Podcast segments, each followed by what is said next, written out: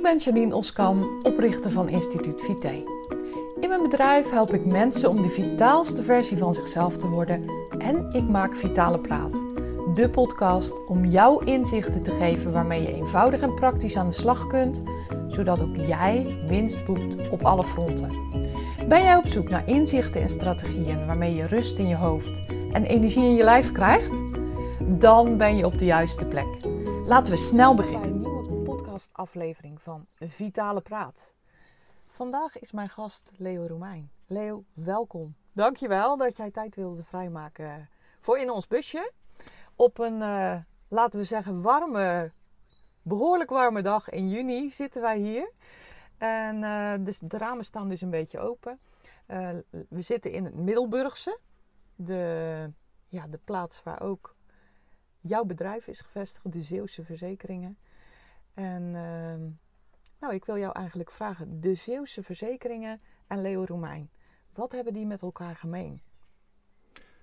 Wat hebben die met elkaar gemeen? Eh, de Zeeuwse Verzekeringen is een, uh, is een kleine verzekeraar met uh, 80 medewerkers, werkzaam in Zeeland. En dat is op zich een, al een passie van mezelf. Dus een organisatie die niet al te groot is, die persoonlijk kan blijven en ik woon en ik werk heel graag in Zeeland. Dus ik heb mijn hele leven lang al geen enkele ambitie om buiten Zeeland te wonen of te werken. Ja, nou dat is heel mooi samengevat. Alleen dat klein, dat uh, fysiek gezien zie ik daar niet overeenkomst. Nee. Maar je houdt van kleinschalig, beknopt, betrokken, dichtbij.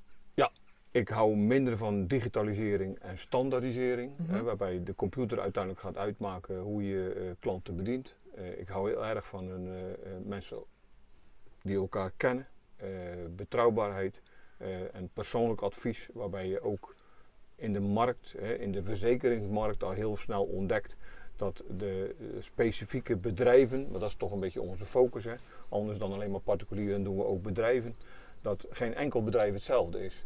Dus Nee. wij hebben ook mensen in de buitendienst die bedrijven ook daadwerkelijk bezoeken. En dan samen met die verzekeringsadviseur en die eindklant, in die driehoek proberen wij dan toch iets te genereren, iets toe te voegen eh, wat anderen niet meer doen. Ja. En eh, daar zijn we succesvol in. Mhm. Dus dat blijven we voorlopig ook nog jaren zo doen. Dat zou ik zeker doen. Maatwerk, dat is eigenlijk Ja. eh, Ja. jullie succesformule. Ja. Nou, nu ben ik als mede-eigenaar van een assurantiekantoor. Hè, samen met mijn man Rien hebben wij Hillebrand Verzekeringen. Ken ik jullie hè, en ik heb jou leren kennen als directeur van de Zeeuwse. En het leek me heel erg interessant om met jou over het belang van vitaliteit voor onze branche te, praat- eh, te praten. Voor de Zeeuwse verzekeringen in het bijzonder. En dan ehm, het belang van vitaliteit eigenlijk voor alle lagen van een organisatie. We hebben daar ook al eens informeel met elkaar Ja. over gesproken. Ja. En het leek me een heel goed moment om eh, dat met onze kijkers of mijn kijkers en ra- luisteraars te delen. Ja. Zo ben ik uiteindelijk ook in dit busje terechtgekomen. Zo ben je in het busje terechtgekomen. Ja, ja, ja, ja. zeker, zeker. Hoe is jouw kijk op vitaliteit en dan in het bijzonder het belang van vitaliteit voor jouw organisatie? Nou, allereerst is het buitengewoon belangrijk om, het, om, om de definitie van vitaliteit, hè, om de scope niet al te breed te trekken, want je Mhm. kan hem heel klein maken, je kan hem ook veel te groot maken. Het is een containerbegrip, hè? Precies, Ja. maar vitaliteit gaat natuurlijk veel verder dan dat wij de ambitie zouden hebben dat mensen wat meer aan sport doen of gezond zouden eten. Of dat we korting regelen voor onze medewerkers dat ze bij een sportschool eh, eh, kunnen, kunnen trainen. Ehm, vitaliteit gaat voor mij echt veel verder dan dat alleen. Mhm, mhm. Vitaliteit heeft ook te maken met eh, dat mensen een, een bepaalde energiebelasting krijgen. Doordat ik ze als directeur en als leidinggevende allerlei dingen van ze vraag. Eh, dat kost hun energie. Eh, dan hebben ze nog een thuissituatie wat ook energie vraagt. En past die hele situatie nou bij die medewerker? Dat is de vraag die je moet stellen. Nou, dat vind ik eh, heel fijn dat je het zo zegt, Leo. Want heel veel mensen denken dat vitaliteit draait om gezond eten, gezond drinken, genoeg bewegen. Sommigen halen er nog slaap bij, maar dan houdt het voor heel veel mensen wel- op. Dus heel erg blij dat jij eh, deze kijk erop hebt. Want ik ben het daar 100% mee eens. Vitaliteit is zoveel meer dan dat. Maar ga Ja. verder. En ik ben geen therapeut en ik ben geen psycholoog. Ik kan wel bogen op eh, meer dan 30 jaar ervaring in leiding geven aan mensen. En ehm, ik heb in al die jaren eh, voor mezelf nu de conclusie getrokken als het gaat om vitaliteit. En je bent in gesprek met mensen dat je er al vrij snel achter komt of de job die mensen doen, of die ook echt bij hun passen. Of ze daar gelukkig van worden. Of iemand, het hele populair gezegd, als iemand het gewoon naar zijn zin heeft op zijn werk en hij doet de dingen die echt bij hem of haar passen, dat de kans op onder- of overbelasting niet zo heel groot is. Nee, dat klopt. En waar het fout gaat, is in al die gevallen waarbij ik het met mensen fout heb zien gaan, als het gaat om belasting, hè, over, over die energievraag, dan eh, komt het toch vaak neer dat mensen in bepaalde gevallen onderbelast zijn. Dat mhm. het werk wat ze doen onder hun niveau is, onder hun kunnen, dat ze daar niet uh, gepassioneerd mee om kunnen gaan. Dat ze in feite gewoon de tijd uitzitten tot uiteindelijk dan toch die pensionering aanbreekt. Ja, ja, ja. En aan de andere kant heb je ook mensen gezien die werk doen wat boven hun niveau ligt. Waarbij het een enorme energiebelasting geeft om iedere dag weer uh, die, uh, die energie te brengen.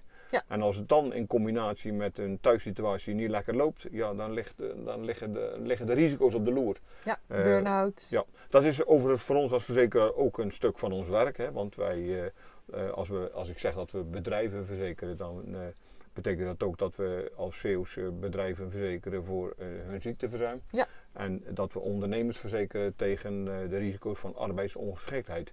Dus ook professioneel hebben we natuurlijk ook gewoon heel veel gesprekken met ondernemers en met bedrijven. Waarin dat voor mij alleen maar bevestigd wordt wat ik daarvan ja, zie. Dat geloof ik, want verzuim, je, je tipt het zelf al aan. Duurzame inzetbaarheid van mensen is natuurlijk ongelooflijk belangrijk. Zie je ook overal verschijnen. En in mijn optiek um, wordt ook daar wel eens op een verkeerde manier naar gekeken. Want hoe bevorder je duurzame inzetbaarheid? Nou, dan ben ik het 100% met jij, jou eens.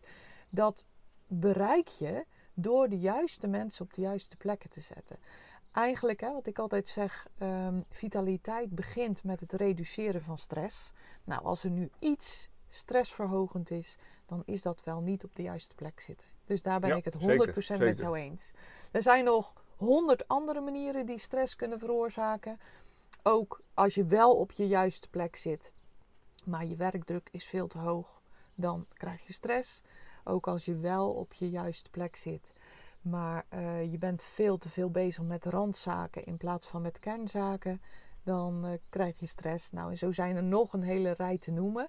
Maar wat mooi dat jij er zo naar kijkt. Sterker nog, um, in mijn uh, Vitaal Werken programma is de eerste module Wie ben ik en wat wil ik? Ja. Hè? En daar gaan we eigenlijk ook kijken van, nou zit ik op de juiste plek?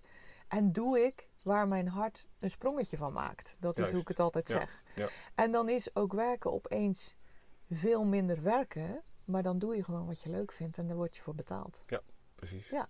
En dan is het ook nog eens zo, niet alles kan altijd 100% alleen maar leuk zijn. Nee. want dat is in jouw dagelijks werk niet zo, in mijn dagelijks werk ook niet. Maar als de hoofdmoot uh, je blij maakt, dan zit je al een heel eind op de goede weg. Zeker. Ja, dat is heel mooi. Nou, nu zei je zelf al van wij verzekeren ook bedrijven waarbij we het verzuim um, verzekeren. En je ziet dan ook dat daar de vitaliteit uh, ook wel eens te wensen overlaat.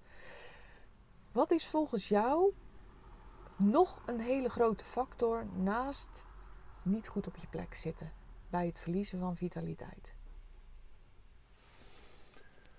Een, uh, ja, dat is een goede vraag. Ehm, daar komt het aspect van gezond leven natuurlijk wel heel erg uh, om de hoek kijken. En ook de, de, de, de privé-situatie van mensen speelt natuurlijk ook een ongelooflijke belangrijke rol.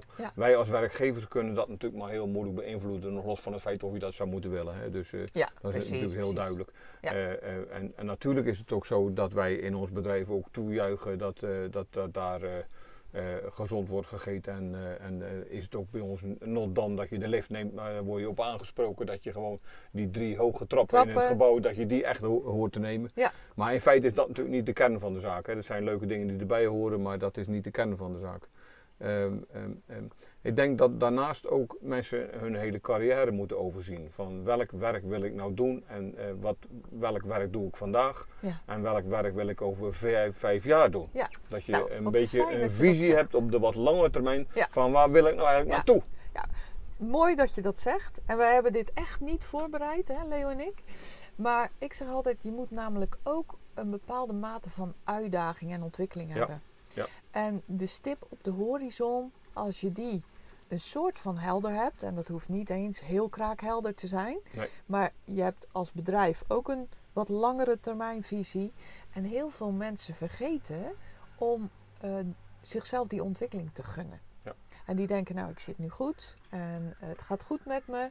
En op enig moment ontdekken ze, hmm, ik zit niet meer zo goed in mijn vel. En dan zie je vaak dat die stip op de horizon Zeker, ontbreekt. Dus zeker. mooi dat je dat zegt, eh, ja. Leo.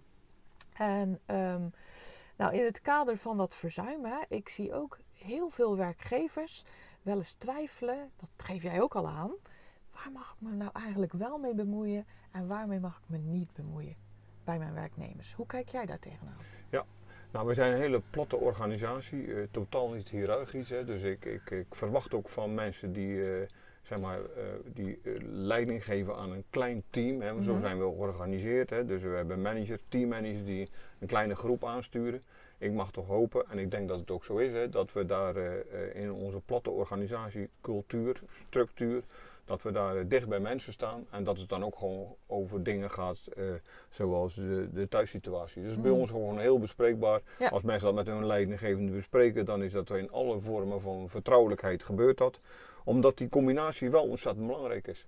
Als een leidinggevende wat meer weet over iemands situatie, dan eh, is er heel veel meer begrip over en weer. En dan geven we eh, de medewerker de ruimte en de veiligheid om daarover te praten. En anderzijds is het zo ongelooflijk belangrijk dat je dan eh, daar ook een beetje ruimte kan laten als werkgever. Ja. Eh, zeker nu de afgelopen jaren eh, hebben we dat natuurlijk ook gezien, dat, eh, dat die pandemie natuurlijk ook op mensen effect sorteert. Mensen gaan deels thuiswerken, deels op kantoor. Juist dan is het zo ontzettend belangrijk dat je als leidinggevende ook iets weet van de thuissituatie. Zeker. Hè, dus als iemand een, een, drie kinderen heeft in een, een gezinssituatie met drie kinderen onder de tien, is een compleet andere situatie dan iemand die alleen, alleen woont. oh, En die al wat absoluut. ouder is. Dat is onvergelijkbaar. Absoluut. En dan zijn, dat zijn ook andere gesprekken.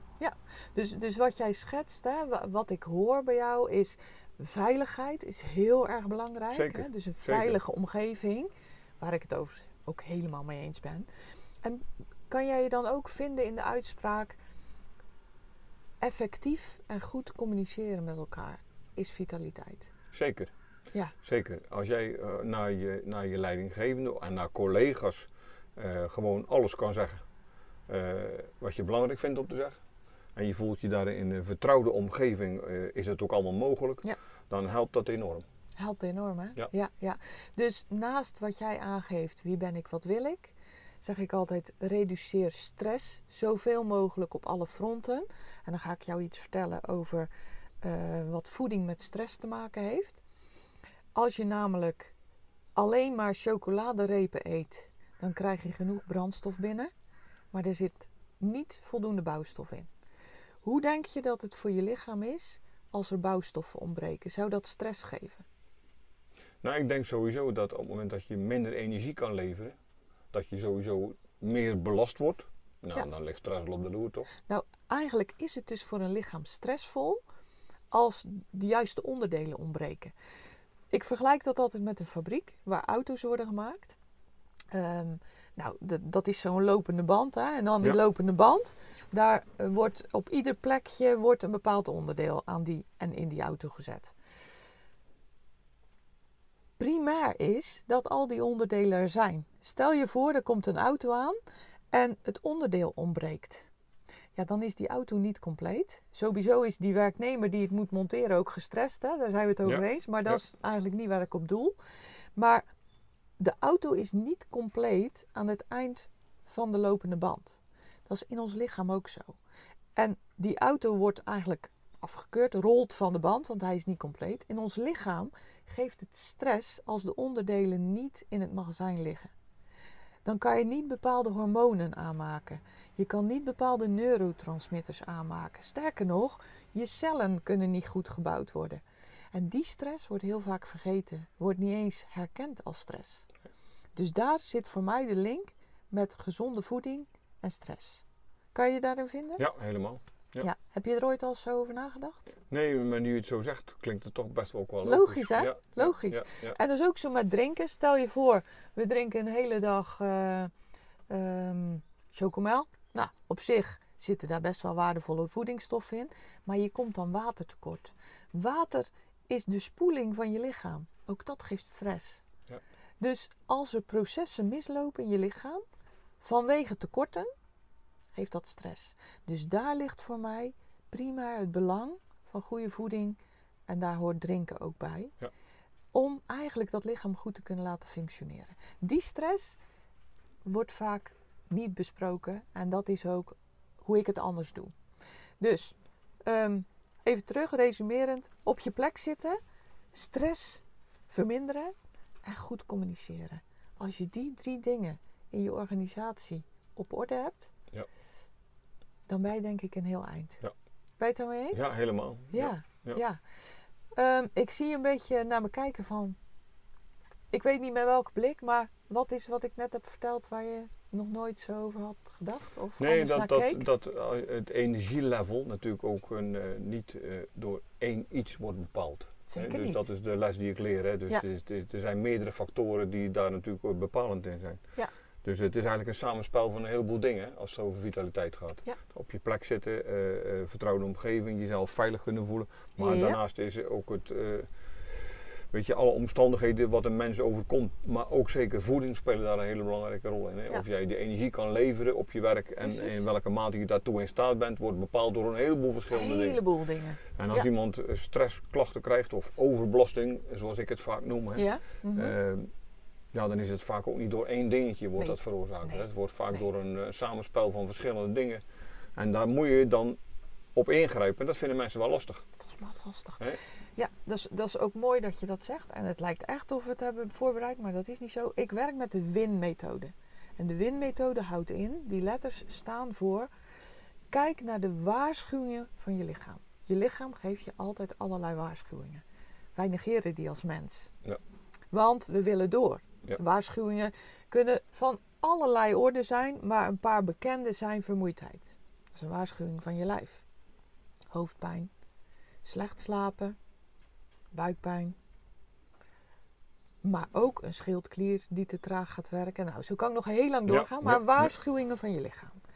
En de I staat voor ingrijpen of interventies. Ja. Ingrijpen, daar moet je op ingrijpen, daar moet je wat mee doen. De I staat ook voor inventariseren van die waarschuwingen. En dan ingrijpen. En de N staat voor nu, actie ondernemen. Want je kan die waarschuwingen weten, herkennen en erkennen. Je kan een inzicht krijgen, want dat zeggen mensen vaak. Oh, ik heb nu zo een inzicht. Maar als je daar niks mee doet, niet ingrijpt, niet interveneert, dan gebeurt er niks. Dus de N staat voor mij voor actie. Nu in actie komen. En dingen dus stapje voor stapje gaan veranderen. En die winmethode, ehm, die kan dus... Ieder mens is uniek. Net als jullie zeggen over verzekeringen. Ieder bedrijf is uniek. Dus je moet maatwerk leven. Zo ook ieder, iedere situatie, ieder mens, ieder bedrijf, ieder organisatie uniek. En ga ik dus met die winmethode aan de slag. Ik kijk naar de waarschuwingen, want ook organisatiebreed kan dat zo zijn. Hè? Als mensen niet blij zijn op hun werk, als mensen ehm, eh, altijd met hoofdpijn rondlopen, of als mensen heel veel roddelen, als de sfeer negatief is, is dat ook een waarschuwing op Ja. organisatieniveau. Ja. Ook dan moet je ingrijpen. Ja, ja, ja, En wel nu. Dus het gaat ongelooflijk mis als mensen denken dat die N staat voor negeren. Juist. ja, ja, precies. Ja. En ehm, herken je dat? dat? Dat mensen wel zeggen van... hé, hey, dat is een inzicht voor mij... maar vervolgens niets mee doen. Ja, nou ja, weet je, volgens mij zit de drempel gewoon tussen de W en de I. Want die waarschuwingen krijgen we zelf, hoef je niks voor te doen. Hè. Die krijg je er gewoon gratis bij. Eh, en, en ik denk dat wij als mens eh, geneigd zijn om daar eh, toch iets van negeren, toch iets van uitstelgedrag. Zeker. Echt keuzes maken in het leven om iets te veranderen in je normale ritme. Dat vinden we gewoon ontzettend moeilijk. Oh, dat is niet zo moeilijk dan gedragsverandering. Ja, dat is ook waar ik vier jaar voor gestudeerd heb. Om gedrag te kunnen Ja, veranderen. Ja. En ik zie echt wel heel veel mensen om me heen. Eh, en dat gaat uiteraard ook voor mezelf. Hè. Ik bedoel, eh, Ja. dat, dat geldt voor iedere mens. Ook voor mij, ja. Hè, dus op het moment dat je die waarschuwing krijgt, van hoe lang wacht je er dan mee om te gaan veranderen en wat verander je dan precies? Ja. En ehm, ja, weet je, dat, da- daarom ben ik ook zo blij met de jonge generatie van de twintigers die, eh, die, die nu in ons bedrijf meer en meer werkzaam worden. Dat die toch een andere kijk hebben op, op, eh, zeg maar, op arbeidsomstandigheden, het arbeidsethos zoals wij dat vroeger hebben Ja, gekend. ja. En vroeger, dat ga je natuurlijk zeggen als je 60 plus bent, en dat ben ik. Maar, dan- ook als ja, je 50 bent. maar weet hoor. je, ik ben natuurlijk opgevoed met het feit dat je natuurlijk bij een bedrijf ging werken. Als je daar maar goed zat en goede arbeidsvoorwaarden, dan moest je daar gewoon je hele leven vooral blijven. Dat werd je verteld, hè? Anders had je een pensioenbreuk. Ja. En dat woord heb ik nog echt wel meegekregen. echt, Vanuit mijn eh, ouders die vertelden het iedere week. Horror scenario. En ik ben eh, bijna jaloers op de, op de jonge generatie, die natuurlijk nu in een, in, in een comfort en een omstandigheid leven, dat ze bijna overal kunnen werken Ja. waar ze zelf maar willen. En Ja. die leggen zich niet vast voor 35 jaar in welke contractvorm dan ook. Hè. Die ze, Nee. ze veranderen heel werk van, eh, ze zijn echt op zoek van welk werk past nou bij mij. Ja. En welke energiebelasting hoort daarbij? Waar word ik nou heel vrolijk van? En een baan vinden waar je energie van krijgt, in plaats van dat je het alleen maar levert, Ja. is toch eigenlijk de, de droom van ieder mens. Zeker. Nou, en ik zie dat die jonge generatie, dat die dat gewoon makkelijker realiseert dan wij dat vroeger deden. Ja, ja. Nou, het is heel mooi dat je dat eh, weer zegt. Want ik zeg altijd, we hebben allemaal een bepaalde portie energie per dag. Maar ook in ons hele leven, per week, per uur, hoe je het ook maar noemt. En je kan die energie op twee manieren besteden. Je kan het als kosten besteden en je kan het als investering besteden. En die jongere mensen, die neigen veel meer naar alles van hun energie als investering Ja. te besteden. Ja. Dan, eh, de, het ligt op de loer om energie als kostenpost te gaan eh, zien. Ja. Kan je daarin Ja, vinden? ja, Ik doe heel even mijn raampje dicht. Want we staan bij een speeltuintje. En er is hier net een hele leuke moeder gekomen met een klein kindje. Die van de glijbaan gaat. Dus als je hoort, woe, dat is die moeder die, die het kindje van de glijbaan laat gaan. Nou, zo horen we het ietsje minder. Ehm, dus mooi dat je dat zegt. Zo zie je het ook door de jaren heen veranderen. Hè? Ja. Want eh, jij bent dan net weer ietsje ouder dan ik ben, maar ik ken dat ook. Ja. Die pensioenbreuk werd er bij mij niet zo ingehamerd, maar wat een, een geëikte uitspraak bij ons thuis was, wat, was van hard werken is nog nooit iemand dood gegaan. Ja. En dus harder, harder, harder. Dat, dat was ook wat telkens in mijn hoofd zat voor ik die burn-out eh, kreeg. Toen had ik hem natuurlijk eigenlijk al, maar voordat ik echt eh, Ja. eh, neerviel. Ja, van hard werken is nog nooit iemand dood gegaan. En tegenwoordig kijken ze daar op een hele andere Ja. manier naar. Ja. Toch zie ik ook wel jongeren struikelen. Maar ehm, ik begrijp helemaal wat je doet, eh, bedoelt en kan me daar ook inderdaad in vinden. Ja. Vitaliteit staat dus bij jou, hoor ik, hoog op de agenda. Ja. Ehm, het vermindert verzuim, maakt mensen duurzamer inzetbaar, verhoogt het werkgeluk, verhoogt de energie en daarmee boek je, zoals ik dat altijd zeg, winst op alle fronten. Met Ja. name voor de mensen zelf, Zeker. maar zeker ook voor de organisatie. Ja, ja. Als het gaat om vitaliteit is de krapte op de arbeidsmarkt natuurlijk ook een zegen. Want je ziet dat werkgevers inmiddels eh, veel meer moeite doen en ook moeten doen Mhm. om, eh, eh, zeg maar, om, om, om een, een- werkomstandigheid te creëren die, eh, die mensen als comfortabel ervaren. We bieden ruimte aan mensen om deels thuis te werken. We willen ons, de mensen die je hebt, die wil je graag vasthouden. Ja. Hè, dat is dan de andere kant. Hè. Ja. We, zeggen, we vinden Ja. het belangrijk dat mensen op zoek gaan naar het werk wat bij hen past. Maar tegelijkertijd willen we als werkgever natuurlijk dat mensen bij je blijven. Ja, ja, Ehm, ehm, en daar hoort natuurlijk ook bij dat je, dat je vitaliteit wat hoger op de agenda zet dan dat je ooit hebt gedaan. ja. Wat mooi dat jij het zegt van dat is het voordeel van die krapte. Zeker. Ik vind dat een supermooie uitspraak. Ik, zie het ook als een, ik zie het ook als een verantwoordelijkheid hè? Om, Ja. om voor je mensen te zorgen en zorgen dat ze, eh, dat ze naar de zin hebben. En dat, ze, eh, dat ze een baan krijgen die, die, waar ze in hun kracht komen. Dat ze een functie hebben die helemaal bij hun past. Ja. En wij groeien best hard als, als bedrijf. Hè? Ieder Oh. jaar eh, verwelkomen we 7, 8, 9 nieuwe collega's per jaar. Ja. Ehm, ehm, en, en dan die doorstroming die dat geeft, dat is ook gewoon buitengewoon fijn. Omdat je, ja, mensen kunnen ook switchen van baan binnen het bedrijf. Ze hoeven Ja. niet per se naar, gelijk naar Nee, Londen. nee. Maar ze kunnen ook Bij binnen het bedrijf niet, andere dingen gaan doen. Ja, Ja. Maar zo hou je ze dan toch vast. Ja, En dat is natuurlijk ook een, eh, Ja. een, eh, een doel op zich. Ja, en dat is een prachtig vitaal doel. Hè? Ja, zeker. Zowel voor de mensen, Maar zeker ook voor jullie als organisatie. Mooi dat je er zo naar kijkt.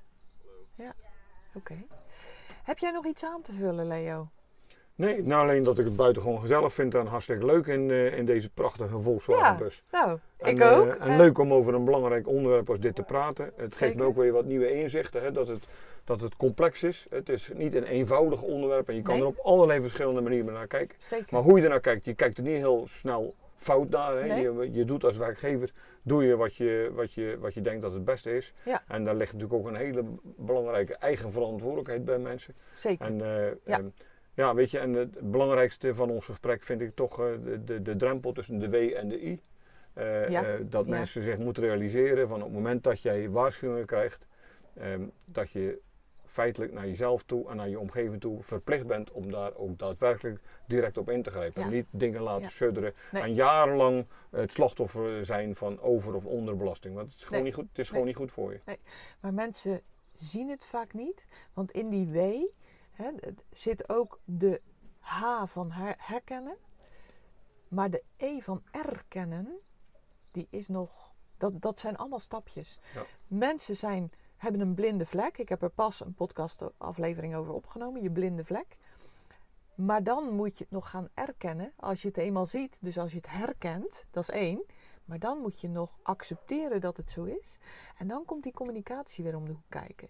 Want heb jij dus een veilige omgeving, zowel privé als zakelijk, dan kan je erover gaan communiceren. Ja. En dan kan je ook hulp inschakelen. Dat is ook zo'n belangrijk topic. Hulp inschakelen is ook mega belangrijk voor je vitaliteit. Zeker. Kan jij hulp inschakelen? Doe je dat? Ja. En op welke manier? En, En, hoe dan lang wacht je ermee? kan je, en hoe lang wacht je ermee? Ja. Ja. nou volgens mij kunnen wij nog wel een dag praten, Leo. Maar ehm, laten we het hierbij laten. Ik vind dit een heel mooi einde. Ik wil je heel erg bedanken voor je tijd. En voor je mooie inbreng, voor de interactie. En ehm, nou, Graag tot, gedaan. tot ziens. Wij zien elkaar vast en zeker, Zeker, binnenkort zeker, weer. Zeker. Voor jou als luisteraar, kijker wil ik je bedanken voor het luisteren, kijken naar deze podcastaflevering. Ik wens je zoals altijd een hele mooie fijne dag. En heel graag tot de volgende aflevering.